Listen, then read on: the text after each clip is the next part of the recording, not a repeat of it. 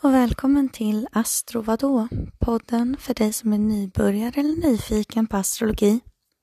Jag heter Amy och i det här avsnittet så ska jag prata lite mer om Venus, Oxen och andra huset.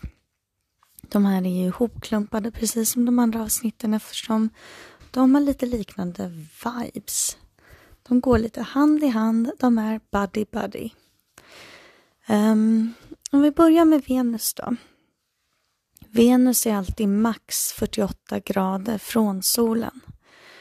Um, så att uh, de, den är ofta i närliggande tecken eller i samma tecken som solen.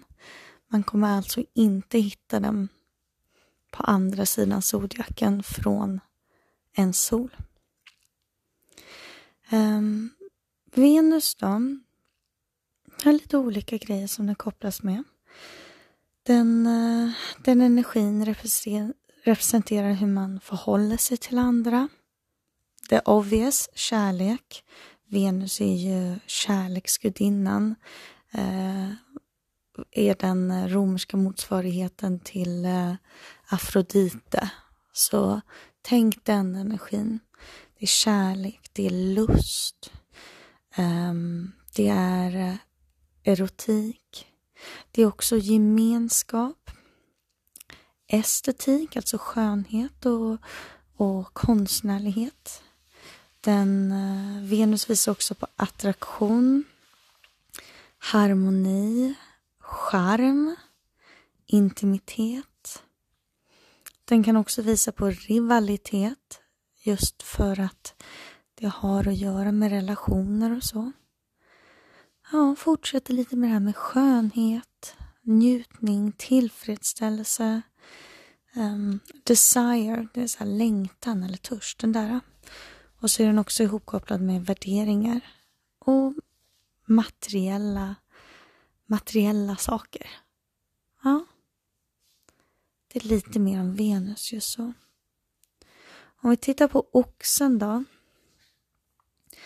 Eh, ord som kopplas ihop med oxen är uthållighet, materialistisk, någon med mycket övertygelse, produktiv, praktisk, noggrann, hållbar, trygg, sensuell, envis, delar inte med sig, rutinstyrd, tålmodig, långsam, hedonistisk, stabil, estetisk, stark, en naturvän, någon som söker njutning och är väldigt fysisk av sig och omvårdande. Anatomin som eh, går ihop med oxen, alltså de delar som oxens tecken styr över i kroppen är halsen, nacken, stämbanden, halsmandlarna, tyrodea, alltså sköldkörteln, tungan och munnen. De delarna är kopplade med oxen. Så om vi tittar då på andra huset. Andra huset är ju... Det är representerar allting som uh, ger trygghet och bekvämlighet. Så vi snackar pengar, resurser, uh, säkerhet, egendom, platser, fysiska platser som banker och trädgårdar. Just för trädgårdar kan liksom ge, ge trygghet med mat och, och örter, alltså medicin och så. Samma sak, bondgårdar är kopplat med andra huset. Även pengar, liksom mynt, sedlar, det är kopplat med andra huset. Materiell egendom. Allting helt enkelt som ger trygghet och bekvämlighet och är värdefullt. Så de himlakroppar som man har i andra huset och det tecken som andra huset står i, det visar på vad och hur man spenderar värde på. Alltså det är eh, Ja, det som man bedömer är värdefullt, det visar hur man spenderar det. Eh, beroende på vilket tecken det är i och vilka himlakroppar som står i det.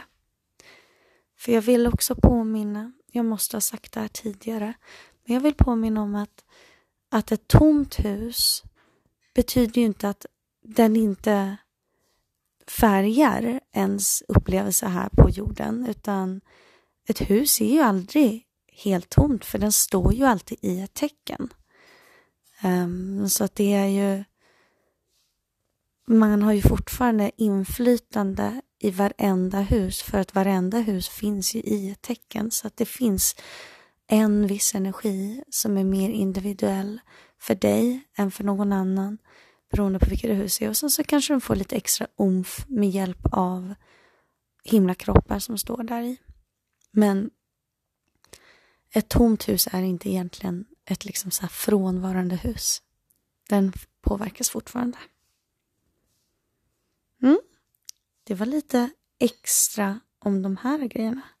I Nästa avsnitt så kommer jag prata om Venus andra um, tecken och hus som de styr över. Vågen och sjunde huset. Ha det!